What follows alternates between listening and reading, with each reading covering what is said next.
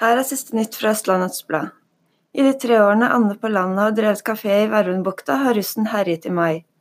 Vi måtte selge 5000 kanelboller for å tjene inn det russen ødela i fjor, forteller Bendik Romstad.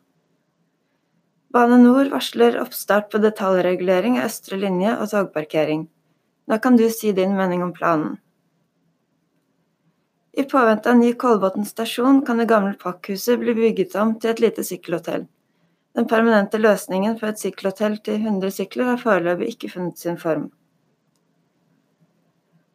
Follo FK forsvant ut av cupen på bittert vis etter ekstraomganger mot andredivisjonslaget Bærum onsdag kveld. Follo så ut til å ha avansementet i lomma da Bærum utlignet til 1-1 to minutter på overtid i ordinær tid. I andre ekstraomgang avgjorde bortelaget. Øvnytt fikk det av Birgitte Henriksen.